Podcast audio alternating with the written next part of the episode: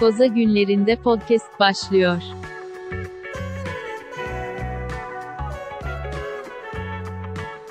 Herkese merhabalar. Lak Lak Podcast 3. sezon 11. bölümüyle Mart ayının 16'sının akşam saat 8'inde çekilmekte.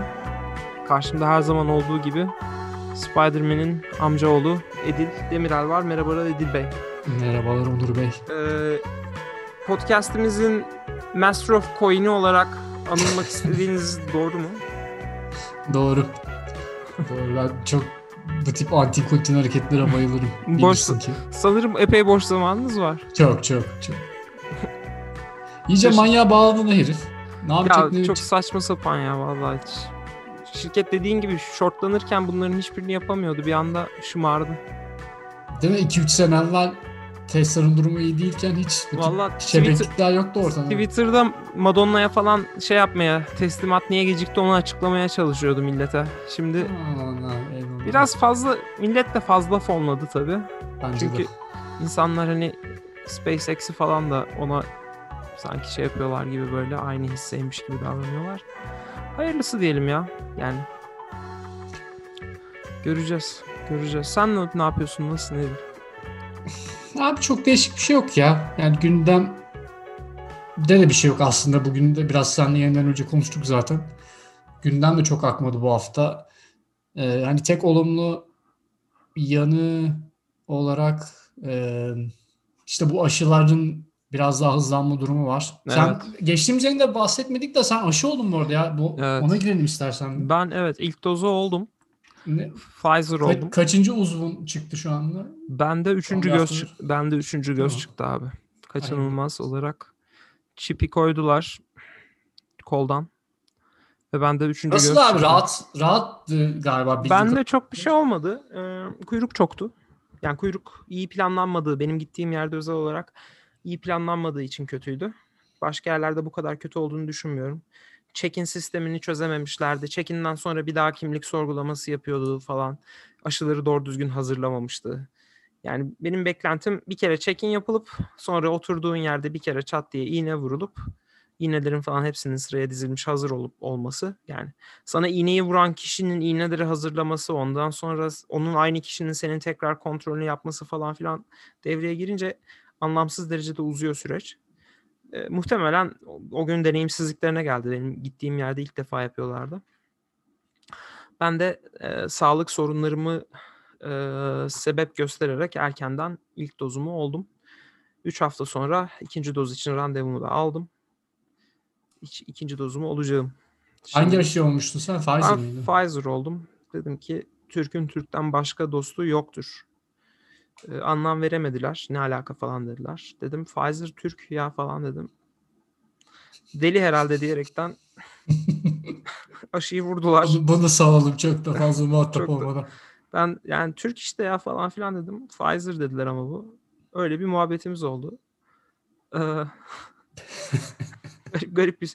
15 dakika oturtuyorlar abi aşı olduktan sonra. Hani olur da böyle bir ters etki falan filan gibi bir şey olursa diye. Bende öyle bir şey olmadı. Hafif bir baş ağrısı ama benim taşınmam durumlarım da olduğu için taşınma durumlarından dolayı da o yorgunluk ve uykusuzlukla baş ağrısı olmuş olabilir. Dolayısıyla aşının bir direkt yan etkisi gördüğümü emin değilim. Ee, belki biraz mide bulantısı olmuştu 3 gün sonra falan ama yani onların hiçbiri böyle ciddiye alınacak aşıdan dolayı oldu böyle oldu denilecek şeyler değil. Sadece kolda ağrı oluyor. O da grip aşısı olanlar zaten biliyorlardır aynı ağrıyı. Her aşıda yaşıyoruz. Aa, Sen grip aşısı oldun mu bu sene? Oldum. Oldum. Ben her sene oluyorum. Ben grip aşısı ilk defa Amerika'da oldum ya. Hmm, Daha önce ben- hiç olmuyordum yani. Türkiye'de var mıydı öyle bir muhabbet? Var, yani? var. Şöyle Var benim e, benim bağışıklık sistemi sorunum var. Zaten bu e, şey aşısının olma sebebim de o erken olma sebebim de olarak göstermiştim.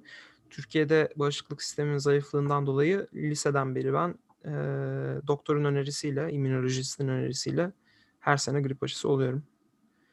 E, yani o zaten hani çok çok çok bir fayda sağlıyor mu emin değilim ama yani ben çok daha belki de çok daha fazla hasta olacakken daha az oluyorum ya da daha hafif geçiriyorum diyebiliriz. Ee, öyle yani durumlar. Ee, Valla Amerika'da senin de dediğin gibi çok da fazla bir olay yok. Ben de e, kişisel olarak taşınma işlerine giriştim bu ara. Belki Türkiye'ye giderim gibi düşüncelerim var. O yüzden gündemi takip de edemiyorum çok. Bu bölümde de diyecek çok da fazla bir şeyim yok. Ben üstünlere geldim programımıza daha da önce konuk olan bir arkadaşım. Üstünle ilgili üstünle konuşuyorduk. E, şeyle ilgili uzaktan ders veriyor bu aralar. Onu, o deneyimiyle ilgili konuşuyorduk. Özellikle freshman'larda çok hile olduğu ile ilgili yani hile varsa da yoksa da anlamanın imkansız olduğundan bahsediyor. Yani sınava kim giriyor biz bilemiyoruz. Hani kamera açık ama karşındaki Ama bir kişi... tane ay- aynı yollayamamışlar mı ya? Müthiş Ya. kopya çekmeye geçtim yani sınava senin yerine başka biri girebilir diyor ya. Yani öğrenci kimliği diye bir şey de yok ki. Çünkü adam bastırmamış ilk yılında.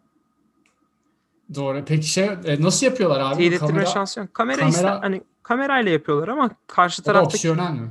onun onu sormadım ama yani şeyi söylediğini biliyorum. Yani karşı tarafta kamera olsa ne yazar diyor yani. Ha şeyden dedim hani bunların ne bileyim bir database oluyor ya çocukların fotoğrafının olduğu bir karşılaştırma öyle bir şey. evet ama o acaba? fotoğrafı kim ne zaman nerede çekti mesela? Yani o da sonuçta sen yolluyorsun o fotoğrafı da. Abi koskoca machine learning facial recognition hemen bir an etsinler ya. Vallahi yok abi öyle değil işte o işler. Yok, Diğer yok, konu da şeyden bahsediyor. İnternette böyle şey database'leri oluşmuş. Ee, sınav database'leri. Sınav esnasında daha çocuklar fotoğrafını çekip ya da işte scan ettirip oraya yüklüyorlarmış. Millet para verip çözüyormuş. Para verip çözdürebiliyorlarmış öyle sınav esnasında soruları böyle Çok bölüşüp bölüşüp. Demek ki böyle katakulliler sadece bizim ülkemizde yaşanmıyor. Yok ya. Ee, bunun yaşandığı ülkeler tabii genelde yabancı ülkeler onu söyleyeyim de. Ya ben TA'yken abi çok net hatırlıyorum bu arada. Ee, işte böyle sınav kağıtları okuyordum, quizler okuyordum, ödev okuyordum falan. Şimdi ülke isimleri zan altında bırakmak istemiyorum ama en büyük sıkıntıyı ABD dışı ülkelerden olan çocuklarda yaşıyordum abi. Tamam bu da aynı şey. Yani arkadaşının üstünün verdiği örnek de muhtemelen aynı ülkelerden bahsediyoruz. Yani Zaten- AB, ABD'li olanlar, çocuklar kendi başlarına yapıyorlardı ödevleri. Diğerlerinin inanılmaz bir komün durumu oluyordu. yani Ülkeleri kimseyi zan altında bırakmak istemem. komün dedin ama. Komünist manifesto. Diyerek devam edelim. Ya valla benim de bu konuda verecek örneğim var da şimdi aman boş ver. Gereksiz yere damga yemeyelim ırkçılıkla ilgili. Ama ben de yani benzer deneyim. Ya benzer deneyim herkeste vardır abi. Ee, oralarda öyle diyelim. Ne yapacaksın? Aralarında şey öyle. Oralarında huyu o. Usulü, huyu, suyu. Abi Doğru. madem konu yok. eee, şey ya bu NFT konusunda da çok söyleyecek bir şey yok. Sen zaten öncesinde yani biz gündemi önceden takip ettiğimiz için bunları söylemiştik. Kaçı satmıştı abi? 69, 69 milyon milyon dolar. dolar. Yalnız adamın işleri çok iyi. Eee, ben Ben beğendim bayağı dedim. ben beğendim adamın Önce. web sitesine baktım. Şeyler için DJ'ler için yaptıkları arkadaki görseller falan da var. Pebble diye People diye bir adam pardon. Pebble mıydı? Yanlış. Beeple, Beeple pardon. Beep. Karıştırdım. Close enough. Ee, adamın işleri iyi abi. Ya bu bölüm çok konuşacak bir şey olmadığı için ben Bu arada şey yapmaya diyecektim ya. Sen söyleyeceğini söyle de sonra dediğime gelelim. Ee, bu People'ın yanı sıra ben burada bir Türk artist daha gördüm bugün. Twitter'da.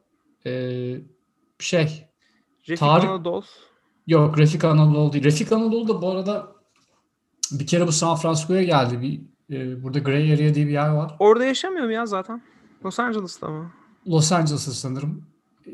Ya ben çok seneler evvel abi Charlotte'da yaşarken o dönemler e, Charlotte'daki hava limanında böyle bir şeyi vardı. Dijital sergisi vardı. Böyle epey dikkat çekmişti o dönemler. Çok yenilikçiydi. DC'de de bir tane şeyde eserleri sergileniyor.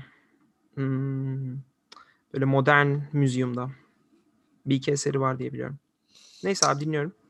Ee, neyse şey e, Tarık Tolunay diye bir e, sanatçının eseri vardı abi. O e, Fraktal İstanbul diye pandemi esnasında yapmış. Çok hoşuma gitti benim eser.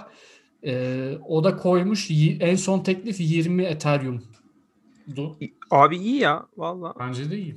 Acaba grafik işine mi girsek ya? Ama şey yani çok e, belli ki çok emek sarf edilmiş bir şey. 10 ayda bitirdim yazmış Hmm. sanatçı.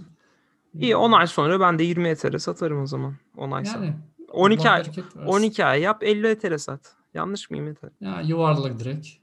Yani e, şey Bu arada işte NFT mevzusunda da biraz böyle bir takım şeyler var. Acaba fazla mı hype'lanıyor? Gerçekte bu kadar e, Ce- cevap verebilir miyim bu soruya?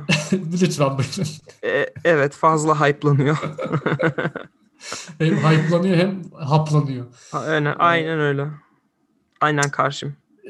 Neyse yani sonuç olarak çok özet kısaca özet geçmek gerekirse bu vaat ettiği e, şeylerin çoğunu yapabilecek kapasitede olmadığı yani özellikle eserlerinin kopyalanıp başka yerlerde başkaları tarafından kullanılması bir çözüm getirmediği tarzı. Yok onu zaten hiç vaat etmiyor. JPEG olarak falan zaten indirebilirsin. Sadece onun sahibi sensin. O kadar. Yani bu. Orijinalinin sahibi sensin. O. Ee, onun takibini bu- sağlıyor. İşte ona ek olarak bu arada başka platformlar üzerinde de başka sahibi olabilirmiş şeklindeki şeyler okudum ben. Öyle Ama diyeyim. ama yani sonuçta o şeyin kararına bağlı değil mi? Eseri yapan kişinin kararı değil mi? Yani eseri yapan kişinin kalitesizliği olmaz mı o? Yani birden fazla yerde abi bir tek sana satıyorum demek. Şeyi bilmiyorum. Belki sanatçının bundan haberi olmayabilir. Bu arada sanatçıların e, başkaları tarafından kopyalandığı bir senaryoda senaryodan da bahsediyorlar. Yani Hmm. bu benim adıma başka birisi bir platformda bir şey satmaya çalışıyor. Bu ben değilim tarzı durumlar da var. Neyse çok kısaca söylemek gerekirse daha bunun bir fırın daha ekmek yenmesi lazım. bu konu hakkında. Evet. Bu arada Ether bu işin en yaygın olduğu şey Ethereum'muş. Yani e, alış satışları konusunda en çok kullanılan e, şey chain blockchain sistemi Ethereum'un sistemiymiş. Abi ben şeye artık yavaştan bölümü kapayalım. Çok uzun bir bölüm oldu. Hiçbir şey konuşmamamıza rağmen. Geçen olsun hadi bakalım. Abi anons şey ya ben önümüzdeki hafta belki son bölüm olur ya da olmaz. Ondan sonraki bir 3-4 hafta muhtemelen bölüm olmayacak. Bölüm olmayan haftalarda Clubhouse'da bir bölüm ya da işte bir sohbet dinleyicilerin de katıldığı bir e, buluşma gerçekleşebilir. Dinleyici olmazsa da biz aramızda sohbet ederiz Clubhouse'da katılan katılır.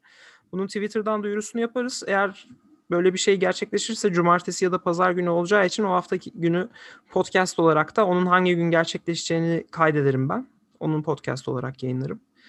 Ee, tekrar yayınlara başlamamızı da yine aynı şekilde bir podcastle duyururuz. Bir Twitter'la da anons yaparız diye düşünüyorum ben.